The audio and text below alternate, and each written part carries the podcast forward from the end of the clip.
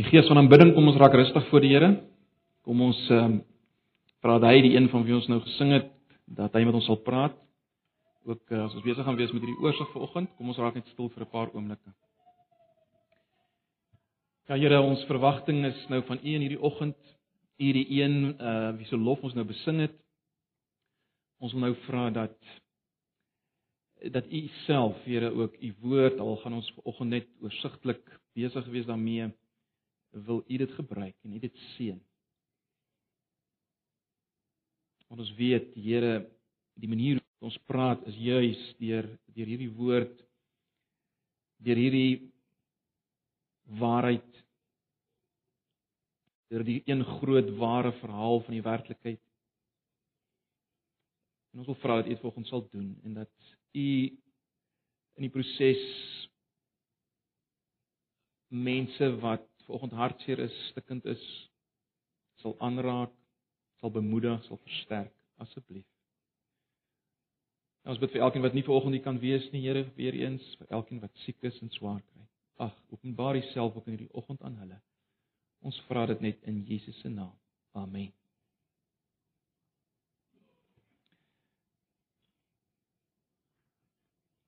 Nou broers en susters, ehm ek dink die meeste van julle weet in hierdie tyd dat ons ehm gaan begin hierdie jaar met die boek Exodus. Ons het nou uh, na Genesis gekyk verlede jaar en uh, hierdie jaar is ons nou besig met die boek Exodus. So wat ons vanoggend gaan doen is in 'n sekere sin net 'n oorsig van van hierdie boek dat julle kan weet wat wat gaan ons hier kry, wat kan ons verwag. Ehm um, en dan gaan ons van volgende Sondag af insak so waarskynlik so twee hoofstukke, twee of drie hoofstukke op 'n oggend gaan ons na kyk. Ehm um, op dieselfde manier as wat ons Genesis gedoen het. Maar volgens dan nou net in 'n sekere sin 'n oorsig maar hou, hou asseblief julle Bybel uh, Bybels byderhand by Exodus. Nou broers en susters, ek wil begin. Ehm um, ek weet nie wie van julle het ehm um, die animasie film Prince of Egypt gesien nie. Ek dink Steven Swarts wat dit geskryf het. Nou uh dit handel eintlik oor oor oor die Exodus en oor Moses, hierdie uh, animasiefilm. En in hierdie film word daar gepraat van the miracles you can achieve en dan word gesê hoe kan jy dit achieve? Well when you believe. The miracles you can achieve when you believe en dan die laaste lyntjie van die koortjie as ek as as as dit reg is uh, is iets in die lyn van you can of you will you will when you believe. Dis dis waaroor dit gaan. Jy kan. Jy moet net glo. Nou broers en susters uh, ek vertrou dat Die groot ding wat ons sal raak sien hierdie jaar as ons besig is met Exodus is dat dit nie is waaroor Exodus gaan nie. Dis geheel en al nie die boodskap van Exodus nie. Nee, waaroor gaan Exodus? Exodus, broers en susters, handel oor hoe God op klein skaal, of as jy wil in mikrovorm in die volk Israel en met met die volk Israel, as ek dit so kan stel, wys wat hy wil met die hele wêreld. Dis waar Eksodus. Op klein skaal sien ons wat God wil as hy besig is met Israel, hierdie volk. sien ons wat hy wil vir die hele wêreld. Die mensdom en daarom vir jou en vir my. Kom ek probeer dit anders formuleer. Eksodus wys vir ons hoe God die mensdom en vir jou en vir my wil bring van slawerny tot die vryheid en let op my woorde. Hy wil ons bring van slawerny tot die kom ek brei dit nog uit, tot die veilige vryheid van aanbidding. Hoor julle dit? As jy wil dink waaroor gaan ek so dis is dit. Dit wys vir ons hoe God vir my en vir jou vir die mensdom wil bring vanaf 'n posisie van slawerny tot die veilige vryheid van aanbidding. Goed, as as julle dit kan vat vanoggend, uh, het julle al iets groots gevat. Terloops, die die die res van die Ou Testament is, is fascinerend. Die res van die Ou Testament en selfs die Nuwe Testament uh val baie terug op Eksodus, hoor. Het julle al gedink oor terme wat die Nuwe Testament gebruik, terme soos verlossing, bevryding? Waar kom dit vandaan? By die agtergrond van hierdie terme wat in die Nuwe Testament gebruik word, lê in Eksodus. Alraai, so dis baie belangrik. Dit lê in Eksodus. So, die punt is maar net En ek wil julle moet opgewonde daar raak daaroor vir hierdie jaar vir Exodus. As as jy en ek wil weet wie God is en hoe hy werk en waarna toe hy op pad is met jou, dan is Exodus die boek vir jou hierdie jaar. Jy weet wie God is. Uh hoe hy werk, waarna toe hy op pad is, is Exodus die boek vir jou. Nou, broers en susters, mense kan Exodus indeel, dink ek, aan die hand van van basies drie primêre as jy wil opskrifte of temas. Uh, dis vloeibaar. Hulle pas nie altyd heeltemal in presies in in sekere in 'n sekere bestek van skrifgedeeltes uh, van gedeeltes in Exodus nie, maar maar mens sou breedweg Exodus so kon indeel om om 'n gemaklike greep te kry op die boek. So die primêre temas uh en julle sal daar sien op julle op julle raamwerk is slawerny. Dit wil dit wil sê wat was die toestand van die volk gewees voor hulle bevry is? Slawerny, 'n tweede groot tema is die juis van bevryding en daarmee saam die totstandkoming op die of die skepping as jy wil van Israel. So slawerny is een tema, bevryding en die totstandkoming van van die volk Israel, die skepping van Israel is 'n volgende tema en dan 'n laaste tema is die van diensbaarheid en aanbidding. Diensbaarheid en aanbidding. En dit help ons soos ek sê om 'n breë greep te kry op die boek. Maar natuurlik is daar ook wat ek wil noem sekondêre temas. Een so so tema is byvoorbeeld die die hele klem op die feit uh dat die volk baie gegroei het, baie geword het. Ek kyk net na na uh hoofstuk 1, vers 7 byvoorbeeld. Uh daar mag dalk 'n fout wees. Ek dink amper ek het vers 6. Ek wou nog sit en verder in julle aantekeninge.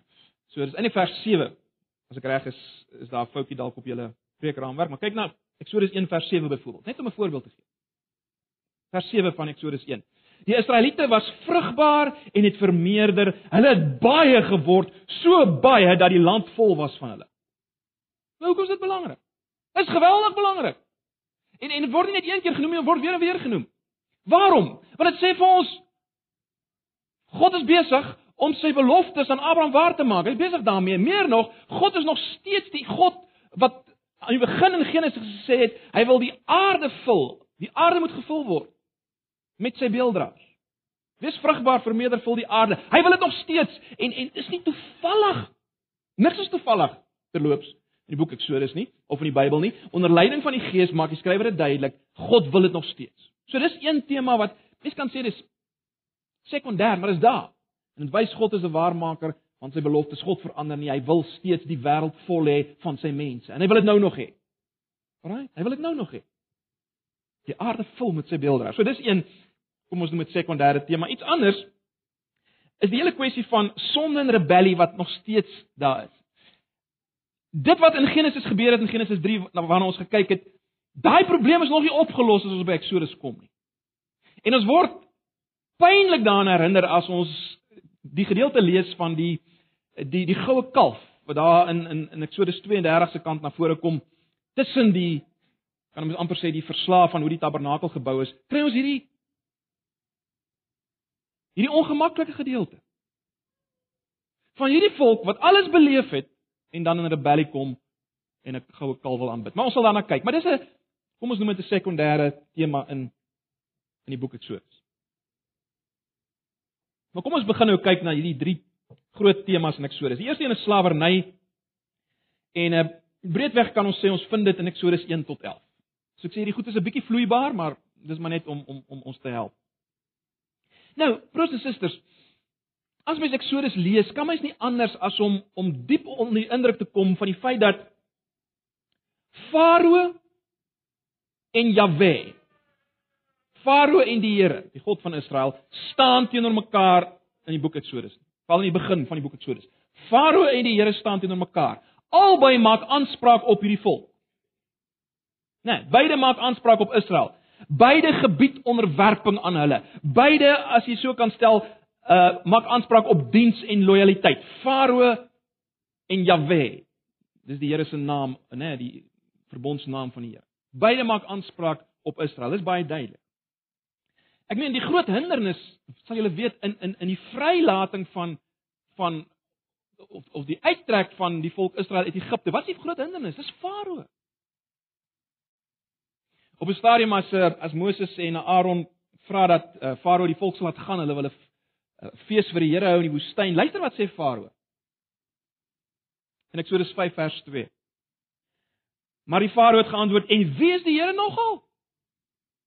Wie is die Here nogal dat ek na hom sal luister om Israel te laat gaan? Ek ken die Here nie en ek sal Israel nie laat gaan nie. Jy sien dit homself absoluut gesien. Wie is die Here? Ek ek's Farao.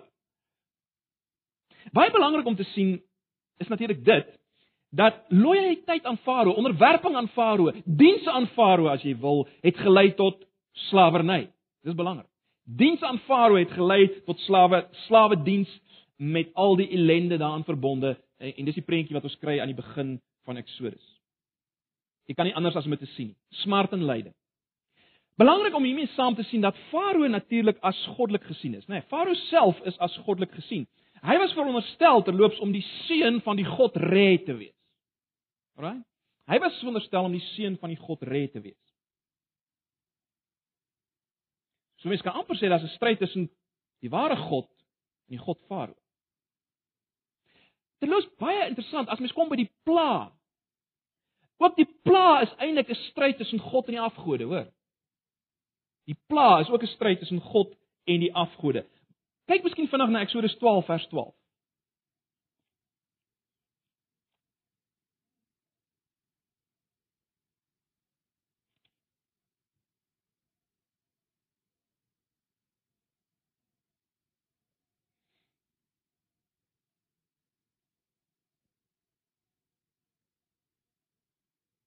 Ons kyk nou 'n bietjie verder, maar dit gee vir ons 'n idee wat gebeur het in in die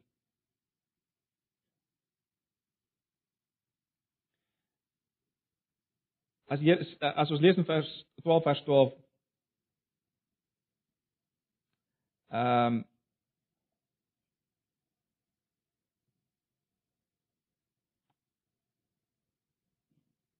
Ek wil die, ek wil die 53 vertaling lees. Ek dink dit is duideliker hier.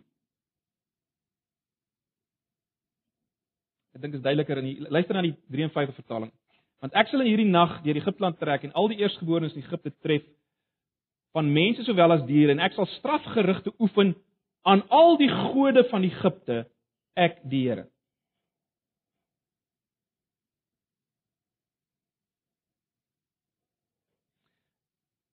Alhoewel die die 53, ekskuus, ek het dit nou nie raak die die 83 vertaling is miskien net so duidelik. Met al die Egiptiese gode sal ek afreken. Ja, dis is net so goed. Uh daardie selfde nag sal ek deur Egipte gaan vers 13 vers 12 om al die eerstlinge van Egiptenare mense en diere te tref. Met al die Egiptiese gode sal ek afreken. Baie interessant.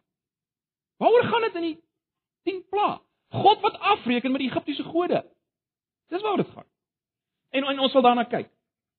Kyk, is in 'n sekere sin soos met die wonderwerke van Elia en Elisa, né? Uh in die pla sien ons dat wat die Egiptenare gedink het waar is van hulle gode is net waar van die Here. Wat die Egiptenare gedink het waar is van hulle gode is net waar van die Here die ware God van hemel en aarde. Nou dis verseker so dat dat spesifieke pla het spesifieke gode as ek dit so kan stel in die in die gedagtes van die Egiptenare na vore geroep. Ek gaan nie nou daarop uitbrei nie, ons kom daarby. Kom ek gee net een voorbeeld vir julle. Kom ek gee net een voorbeeld. Die oorstroming van die Nyl se walle. Uh, elke jaar het die Nyl se walle oorstroom destyds. Vandag gebeur dit nou nie meer nie want daar is damme gebou in die Nyl. Maar maar destyds het die walle van die Nyl oorstroom En en dis geassosieer met die god Osiris se opstanding. Alraai? So as daai walle oorstroom word, dan het hulle dit gesien as die god Osiris het nou opgestaan en en en dan het daar nou vrugbaarheid gekom vir die landbou. Nou kan julle julleself voorstel dat die water in bloed verander. Wat sê dit as die water in bloed verander? Dink 'n bietjie. Wat sê dit as die water in bloed verander? God Osiris is dood. En en en en en nou die landbou word vernietig. Dis wat dit sê. Nou, ons mag miskien nie in elke plaag gerigtheid op hierdie gode sien nie, maar ek dink tog ons is op die regte spoor as ons so daaraan dink. So alhoewel julle julle moet sien is dit gaan oor God se stryd met gode, gode wat lei tot slawerny. Natuurlik, ek het nou reeds gesê Farao is self gesien as goddelik uh en natuurlik as God baie belangrik is was Farao veronderstel om die uh, wat destyds genoem is die Ma'at te handhaaf. Nou die Ma'at het maar net verwys na die die orde in die skepping, die orde in die kosmos. Farao was verantwoordelik daarvoor. Nou kan jy jouself voorstel, uh wat sou gebeur as die orde in die kosmos skeefloop? Wel, die natuur sou homself baie snaaks gedra. Die natuur sou homself baie snaaks gedra. En is dit nie presies wat gebeur in die plan nie?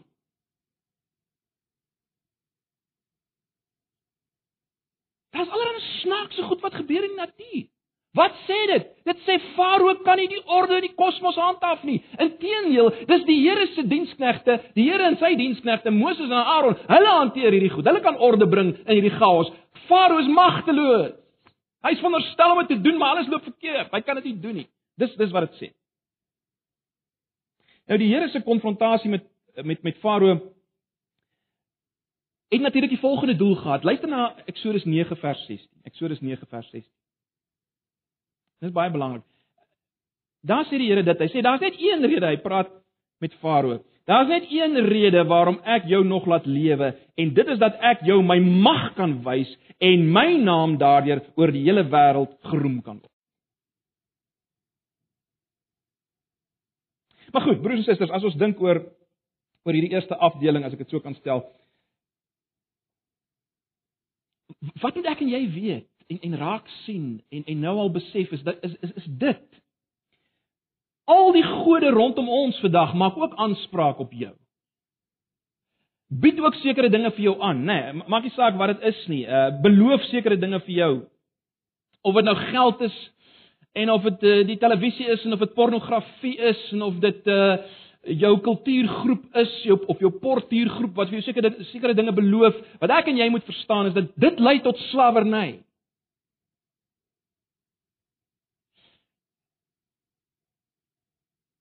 En wat ek en jy moet weet is die dinge wat beloof word deur al die gode van vandag. Selfs die klein goedjies daar in ons in ons hande, die die, die selfone waaroor ek al gepraat het. Dit wat beloof word deur hierdie gode kan hulle nie gee nie. Hulle kan dit nie gee nie. Die vervulling en die vreugde en hulle gee dit nie. Hulle gee dit teenoorgestel. Uh en en ek en jy moet dit sien, raak sien hierdie jaar as ons besig is met Exodus. Dit wat die Satan in die wêreld beloof, kan hulle nie gee nie. En ek en jy, en dis my gebed as ons besig is met Exodus, moet sien wie is die ware God? Wat kan hy gee? Hy's absoluut in beheer van die orde in die kosmos. Hy's in beheer met ander woorde van alles wat ons sien. En hy kan gee wat hierdie dinge nie kan gee nie. En ek en jy moet dit weet en raak sien as ons besig is met Exodus. Wie kan gee wat ek eintlik soek? Ons almal soek eintlik iets. Dan soek ons dit op verkeerde plekke. Hy kan dit gee. Maar goed. Dit bring ons by ons tweede groot uh tema en dit is die van bevryding of dan die skepping van Israel. En weer eens breedweg vloeibaar kan ons sê dit dit dek hierdie gedeeltes van Eksodus 12 tot 19. Maar die oomblik as ek dit sê, moet ek vir julle sê dat uh Al, alhoewel ons sê dat in Eksodus 12 wanneer die Pasga begin vind die plaas uh, vind die bevryding van Israel eksplisiet plaas. As ons dit sê, moet ons sê dat die bevryding van Israel begin natuurlik lank voor dit. Dit begin reeds by die geboorte van Moses. En dis natuurlik 'n fascinerende gedagte, né? Kyk, ander wêreldleiers as hulle wil dinge verander in die geskiedenis dan dan begin hulle met 'n oorlog of 'n uh, uh of 'n stembrief as jy dit so kan stel. God begin met die geboorte van 'n baba. Dis hoe God werk. Heeltemal anders. 'n Baba word gebore. Dit is fascinerend. God se hand is sigbaar heel aan die begin as hierdie baba gebore word onder 'n doodsvonnis, maar sy lewe word op ingrypende manier deur God bewaar. En dit is daar's 'n geweldige ironie. Het al daaroor gedink? En ek en ek hoop ons gaan dit raak sien hierdie jaar die geweldige ironie eh, rondom die geboorte van Moses. Ten spyte van die feit dat Farao 'n uh, 'n uh, beleid uitgevaardig het om alle babaseentjies dood te maak, ten spyte daarvan word Moses nie net gespaar nie, hy word weggesteek in die Nyl. 'n God van Egipte. In die boesem van hierdie God van Egipte word Moses weggesteek, weggesteek. En dis nie al nie. Sy eie ma Farao kry sy eie ma om hom groot te maak, en nog meer by dit alles kry Moses die beste opleiding wat moontlik was in daardie ou nabye oosterse omgewing in Egipte. Hy kry die beste opleiding. Dis hoe God werk. En ek, en, ek, en ons moet opgewonde raak daaroor en raak dit raak. Hoekom doen God dit? Hoekom doen God dit? Wel Eksodus 2 vers 24 maak dit duidelik. Eksodus 2 vers 24. En ons sal waarskynlik volgende week daarna kyk. En God het hulle gekerm gehoor, dis die volk se kerm. En God het hulle gekerm gehoor en God het gedink aan sy verbond met Abraham, Isak en Jakob. Hoekom doen God hierdie goed? Omdat hy die getroue verbondsgod is. Hy hoor sy mense. Hy dink aan hulle en hy dink aan dit wat hy homself verbind het en hy wyk nie daarvan af. En dis die enigste hoop ook vir my en jou. Nou, hierdie proses van bevryding wat begin die geboorte van Moses loop natuurlik deur Eksodus 3, fascinerende gedeelte waar God openbaar, kom wys, kom sê wie hy is. Ons ken almal die die vers in Eksodus 3 vers 14 waar die Here sê as as Moses vra wat is die naam, sê hy ek is wat ek is. Fascinerend. So wat wat God deur hierdie naam probeer sê is dit. Hy hy probeer vir Moses sê kyk Moses, waar jy 'n man is wat 'n begin gehad het, gebore is en 'n man wat allerlei belewennisse gehad het en 'n man wat uiteindelik eendag gaan sterf. Met my is dit nie so nie Moses. Dis nie waar van my nie.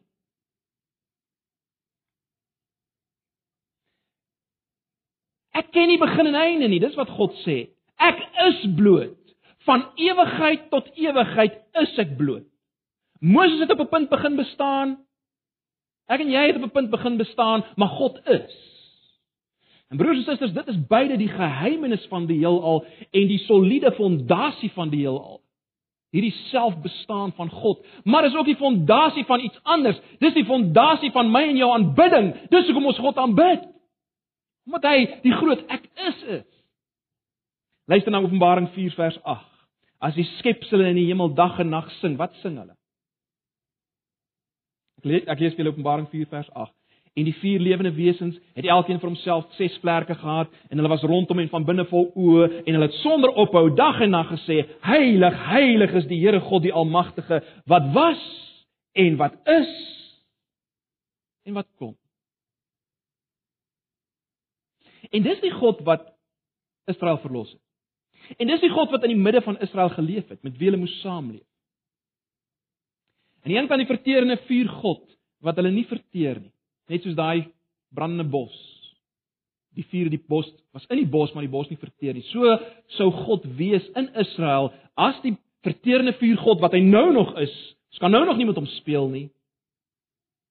Maar die wonder is hy verteer nie. En die enigste rede broers en susters hoekom ek en jy volgens hier sit en nie verteer word deur die verterende vuur God nie is dit. Iemand het gekom, Jesus Christus wat gesê het ek is Hy die ek is kom klaar maak van Eksodus 3. Ek is met, met alles wat hy gesê het, dink aan Johannes Evangelie. En omdat die oordeel van God, God se verterende vuur op hom geval het en nie op my en jou nie. Dis die enigste rede hoekom ek en jy leef en kan leef en kan voortbestaan. En en mag ons gegryp word daardeur as ons Eksodus doen, die be bewustheid daarvan. En dit bring ons dan by Eksodus 12, uh die Pasga, die eintlike bevryding van Israel. Die woord Pasga is nie so sê nie so lekker vir ons wat daar gebeur het nie. Die Engels Passover is amper meer verduidelikend, is dit nie? Want dit sê vir ons die gedagte eh, dat dat die Here die Israeliete verbygegaan het. Die Passover het toe hy die eersgeborenes doodgemaak het, né? Nee. Nou, ons weet dat die Nuwe Testament identifiseer die dood van van Christus, né, nee, van Jesus met die Pasga. Dis oral, Johannes 1 vers 29 1 Korintiërs 5 en so meer. Die boodskap van die Pasga was baie duidelik vir die Israeliete. Dit moes baie duidelik wees vir hulle en en vir ons wat die vervulling daarvan in Jesus sien, behoort dit ook baie duidelik te wees. Net baie vinnig wil ek dit net uitwys, ons sal daaroor praat. Dink vir 'n oomblik, wat sien ons in Eksodus 12? Wat sien ons in die Pasga? Ons sien dat die regter, luister mooi, die regter en die verlosser van Israel is een en een en dieselfde persoon. Het julle dit al dink het julle al daaroor gedink? Dit was God wat deur Egipte getrek het om eersgeborenes te oordeel en dit was dieselfde God dieselfde een wat die Israeliete beskerm het. Sy huise beskerm het, né? En dit sê vir ons dat ons nooit God die Vader moet sien net as regter en die seun as verlosser nie. Nee, dis die een en dieselfde God. Dis dieselfde God wat beide regter en verlosser is. Dis een en dieselfde God wat deur Christus die wêreld met homself versoen, broers en susters. Die waarheid lê al hier. Die waarheid lê al hier. Die regter en verlosser is dieselfde persoon. Wat sien ons nog in die Pasga? Ons sien dat verlossing was en is deur plaasvervanging. Die enigste rede hoekom sekere eersgeborenes oorgeslaan is, is wat? Daar's 'n paas 'n plaasvervangende lam in hulle plek geslag. Dis die enigste rede hoekom hulle kon vrygaan. En is nou nog die enigste rede hoekom ek en jy kan vrygaan, is iemand anders is in ons plek geslag, geoordeel. Dis hoekom jy kan vrygaan. Die enigste rede, niks anders. Wat sien ons nog in die Pasga? Ons sien die lam se bloed moes gesprinkel word. Met ander woorde, en dit moes gesmeer word aan die deurkusyne. Dit sê vir ons verlossing moet persoonlik toegepas word. Dit gebeur nie van selfsprekend nie. Jy's nie maar net 'n Christen as jy groot geword het in 'n Christenhuis nie. Ons weet dit, nê. Nee, dit jy moet dit vat. Jy moet dit toepas in jou lewe, dit wat Jesus gedoen het. En die pas gesê dit vir ons. Die bloed moes gesmeer word. Dan sien ons dat elke familie wat gered is in die Pasga is ook deur God gekoop deur wat hier gebeur het, nê. Nee. Hulle lewe het nou behoort aan hom. En hierdie lewe lei tot feesviering. Die Pasga was 'n fees. Die lewe van verlossing en behoort aan God lei tot 'n fees. En natuurlik in die nagmaal sê ons iets daarvan. Maar ons sal weer daarna kyk. Dis Eksodus 12. As ons kom by Eksodus 15, net baie vinnig. Ehm uh, Dis die lied van Moses, die sogenaamde lied van Moses en baie interessant. Moses kyk as te ware vooruit na na wat nou gaan gebeur as die volk verlos is en in die land kom en hy, hy praat daaroor amper in in die verlede tyd. En dan dan sê hy iets fascinerend. Ehm uh,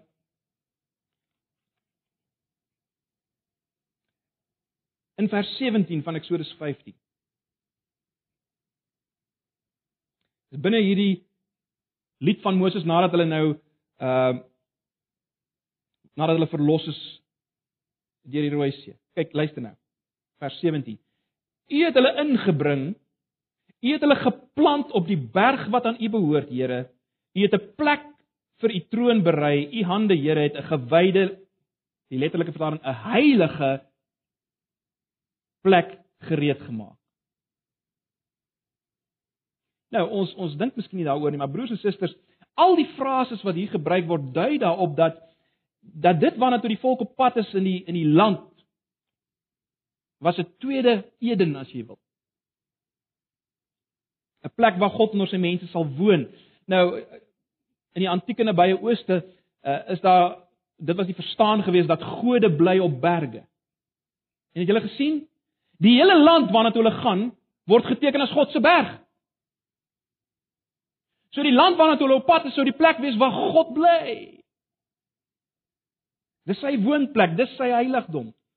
En en ek gaan nie nou daarop uitbrei nie, maar maar maar hierdie plant van van Israel in die land sou 'n geweldige stap wees na 'n nuwe skepping. Iets soos aan die begin. Maar goed, dit bring ons by Eksodus 19. En hier in Eksodus 19 en verder sien ons meer van van hoe Israel tot stand kom. Wie Israel is, wat hulle identiteit is, né? Nee. Dit gaan ons sien in Eksodus 19 en verder. Bly miskien net gou na Eksodus 19. Hierdie eerste verse is geweldig.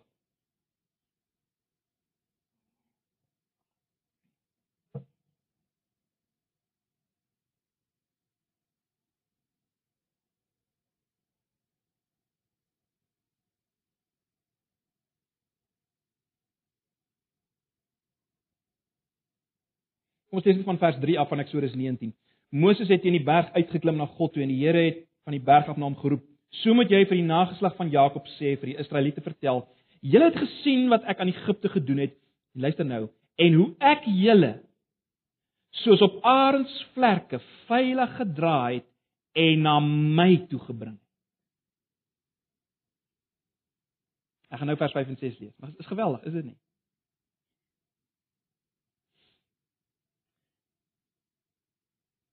Soos klein voeltjies, klein arendjies wat moeg is, was die volk en en God kom soos die groot arend en dra hulle op sy vlerke. Dis wat God gedoen het. En dan geweldig belangrik. Behalwe dat Israel se vorming, met ander woorde, Israel se totstandkoming as volk is totaal afhanklik van God se se genade, se barmhartigheid teenoor hulle soos dit nou uitgebeeld word deur hierdie arend beeld. Behalwe daarvoor, kyk kyk na hierdie diep verhoudingsaard wat hier vasgevang word van die verhouding tussen God en hulle. Sien julle dit? Ek het julle na myself gebring. Dit was maar net so 'n formele reddingsstorie nie. Nee, ek het julle na myself gebring. Dra julle soos 'n arend op my vlerk. Ek het julle na myself gebring. Ons moet dit raak sien. God se bedoeling was om 'n volk te hê van die begin af met wie hy in 'n verhouding staan. Broers en susters, ek en jy moet dit weet. Nou, 'n Christen wees het niks te doen met klomp goeders wat ons doen nie. Dit is 'n verhouding met God self om hy wil ons na homself bring. Dis waaroor dit gaan nie kom ritueeltjies nie. Dit was nooit so bedoel nie. Hoekom het God hulle gekies? Hy bring hulle na homself toe, maar waarvoor? Kyk na vers 5 en 6 van Eksodus 19. As julle my gehoorsaam en julle aan my verbond hou, sal julle uit al die volke uh my eienaam wees, 'n koninkryk wat my as priesters dien en 'n gewyde of dan 'n heilige nasie. Die hele aarde behoort immers aan my. Dit is wat jy aan die Israeliete moet vertel. Die ou vertaling praat van 'n koninkryk van priesters en 'n heilige nasie. Dis waarvoor die volk bedoel was, 'n koninkryk van priesters en 'n heilige nasie. God het Israel geroep vir 'n sekere doel. Uit al die nasie was hulle God se kosbare besitting. Maar waarvoor? Wel ter wille van die nasies. Dis nie waarvoor God Abraham geroep het nie, as 'n seun vir die nasies. En en dis wat Israel nou moes wees. As hulle onder sy heerskappy lees, onder sy uh wil onder sy woord, dan sou hulle 'n koninklike priesterdom wees, 'n heilige nasie. Dis hoe hulle beelddraers van God onder die nasies sou wees. Dink aan heiligheid, né? Nee, heiligheid is een van die belangrikste eienskappe van God. Dit sê vir ons God is spesiaal. Hy's anders as alles wat hy geskep het. Hy is hy's hy's heel, hy's vol goedheid, hy's vol heerlikheid, hy's vol blydskap, hy's heilig. Hy's volkome. En nou moes Israel op 'n manier leef wat God se karakter, se heiligheid wys. Dis waarvoor hulle geroep is. En as hulle dit doen, sou hulle 'n baie spesiale rol vervul, naamlik 'n koninklike priesterdom onder die nasies. Is dis 'n fascinerende gedagte. Dink 'n bietjie wat het die priesters gedoen? Die priesters was die middelaars tussen God en mense, alraai? So 'n priester was 'n middelaar tussen God en die mense. Waarvoor is Israel nou geroep? As as God sê hulle is 'n koninklike priesterdom, wel, hulle is geroep om op let op, op internasionale skaal die middelaar te wees tussen God en al die nasies. Israel moes nou die middelaar wees tussen God en al die nasies. 'n Priesterdom. Soos 'n priester tussen God en die nasies staan, so moes Israel staan tussen God en al die nasies. Israel moes 'n vertoonvenster wees. Hulle moes wys hoe lyk dit as Hoe lyk 'n volk? Hoe lyk mense as God met hulle in 'n verbondsverhouding staan? Dis waarvoor hulle geroep is. Hoe lyk dit as jy God gehoorsaam en en en op God se plek is? Uiteindelik in die land en onder God se heerskappy leef. Hoe lyk dit? As die nasies na Israel sou kyk, dan sou hulle kykie kry van hoe lyk dit? Wat is God se plan met al die volke van die wêreld? Hulle sou sien hoe lyk dit as die geheel van jou belewing, jou familielewe, jou wet, jou politiek, jou ontspanning, jou omgang met diere. Hulle moet sien hoe hoe lyk dit? As God in jou midde leef. Dis wat Israel moes wys. Hoe lyk dit as God in jou midde leef? Hulle lewe moes 'n vol lewe wees, 'n ryk lewe, sodat die nasies daardeur aangetrek word. Let wel, die nasies moes aangetrek word deur Israel se vol, heel lewe op alle vlakke.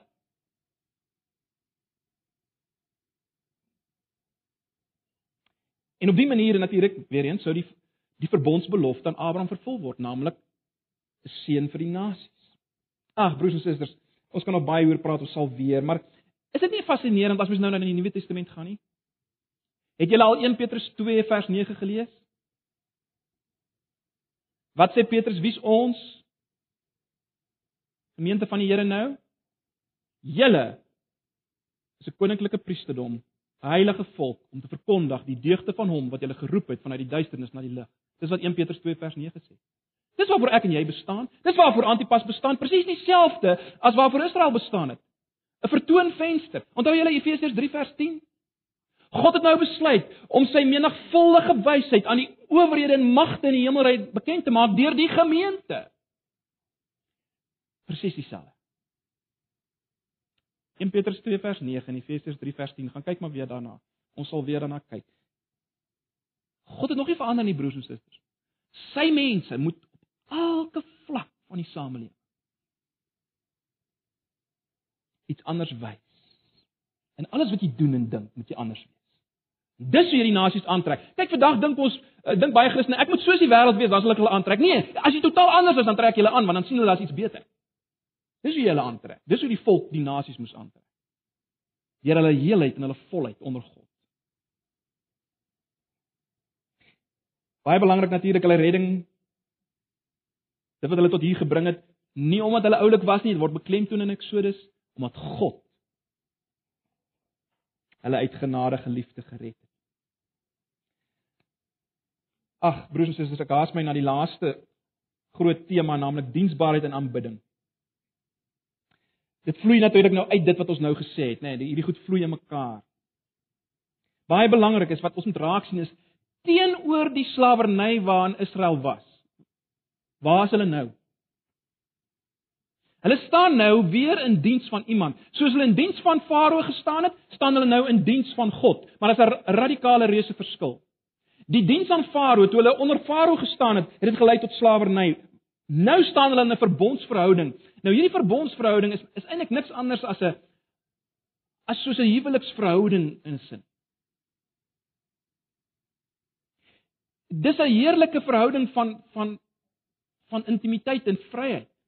Terloops, het julle of julle sal dit nou raak sien as ek so dis doen, Israel word God se seun genoem. Miskien kan jy net vanaand na Eksodus 4 kyk. Julle aan die begin noem hy Israel al so in Eksodus 4.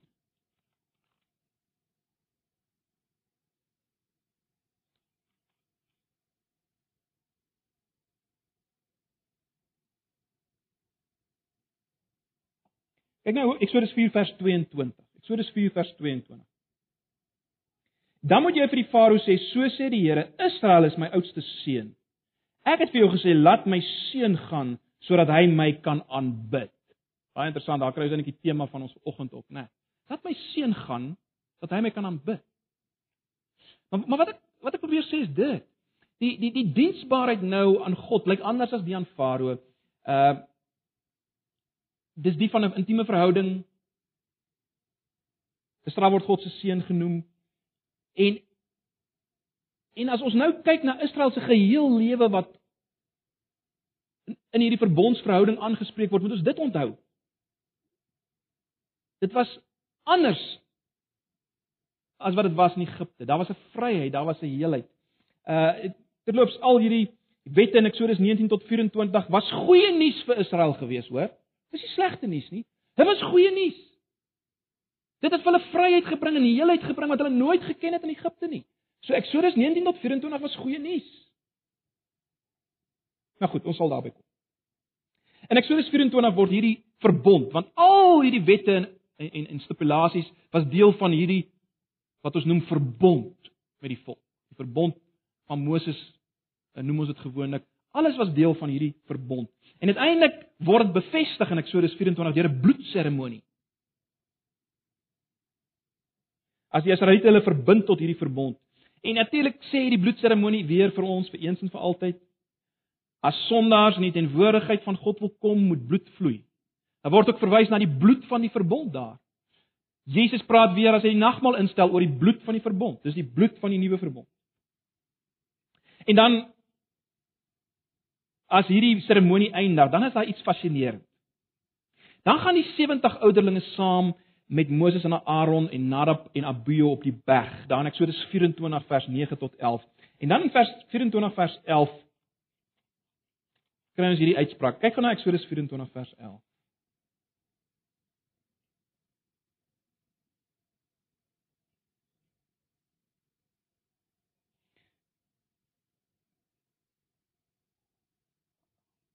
Onthou nou hier's iets buitengewoon, hè? Hierdie 70 ouderlinge, oudste saam met Moses en Aaron, Nadab en Abihu, word toegelaat om God te sien. Let wel, ons lees daar nie God self nie, maar maar sy teen die as te ware dit wat onder sy voete is, maar iets van God sien hulle. En dan hierdie fascinerende vers, vers 11. God het geen hand teen die leiers van Israel gelig nie. Hulle het hom gesien en daarna het hulle geëet en gedrink. Ah, dis 'n gelaai. Dis waar alles gaan. Dis waarvoor ek en jy geroep is om te eet en te drink in God se teenwoordigheid. Maaltyd met hom te vier. Dis waaroor dit gaan. Dis nie godsdiens nie. Dis 'n lewende verhouding met hom. Dis dit is wat bedoel word. In sy teenwoordigheid te wees.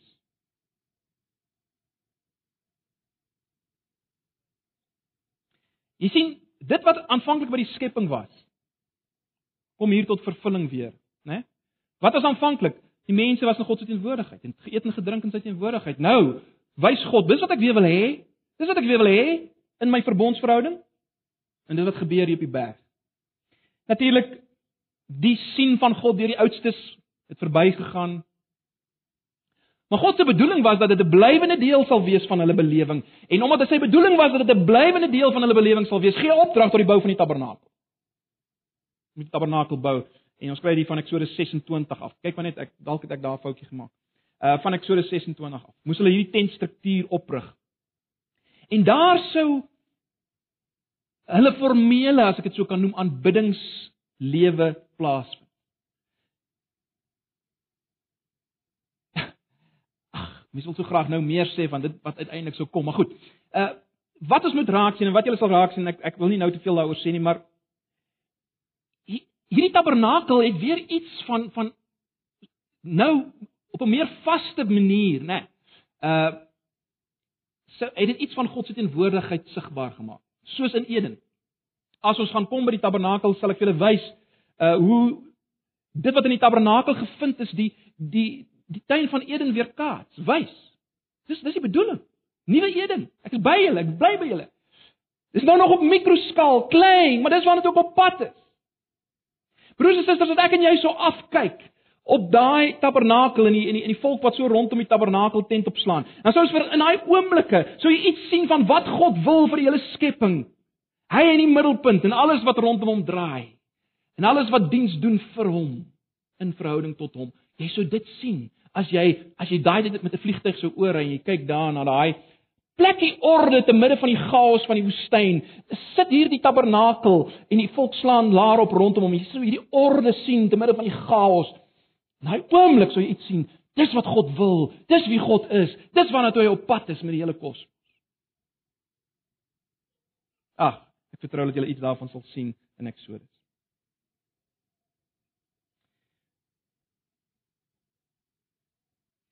En God wou uiteindelik gehad het dat hierdie teenwoordigheid van hom onder die volk soos nou sigbaar gemaak in die tabernakel dat dit sou ingedra word uiteindelik in die wêreld in. Deur hierdie koninkryk van priesters. Dit verloop net 'n laaste gedagte die die skyn van Moses se gesig as hy as hy iets van God sien.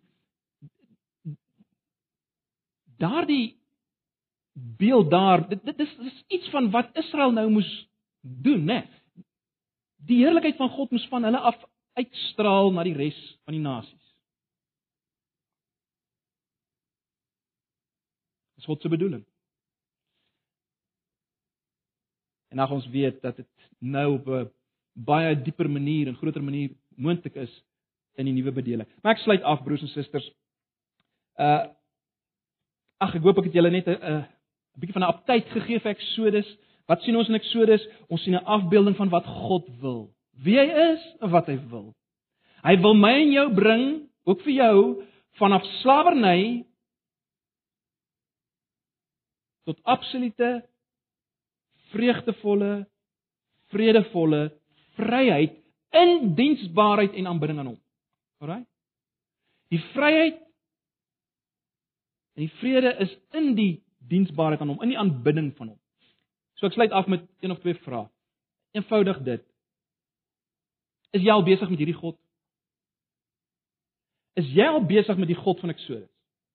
Of is jou God nog baie soos Farao? Jy werk as 'n slaaf. Dit is swaar, moeilik. Dis lustig. Hy dryf jou. Wat is jou godsbegrip op hierdie stadium? Dis 'n een vraag. 'n Volgende vraag is dit: Is jy nog in slawerny? In hierdie oomblikke? Mag geld wees waarvan jy slaaf is. Jou werk, dalk is dit pornografie. Dalk is dit om in te wees by jou portuïergroep, jy's 'n slaaf. Jy kan nie anders nie. Wil jy moet nou al hoor. Vryheid is moontlik, werklike vryheid. Dit waarna jy soek is moontlik by God. Die God van Eksodus, die God wat jou na hom wil bring. God wat in 'n verbondsverhouding met jou wil staan, is moontlik. Werklike vryheid, vervulling, lewe. En mag die Here gee dat ons dit in hierdie jaar as ons deur Eksodus beweeg, werklik sal raak sien. Broers en susters, dis Eksodus. Ek hoop ons sien is absoluut relevant. Absoluut relevant vir ons. Mag die Here ons seën en ons besig wees met Eksodus. Kom ons bid saam.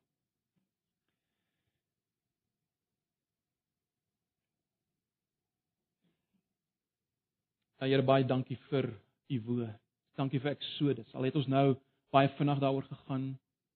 Baie dankie dat u vir ons vanoggend maar net iets van 'n voorsmaak kon gee van dit wat wag. Dit ons gaan sien. En ek wil vra dat U hierdie boek sal gebruik in my lewe weer opnuut en in elkeen van ons se lewe. Ag Here. Asseblief. Bring ons na U self opnuut. Bring ons tot aanbidding.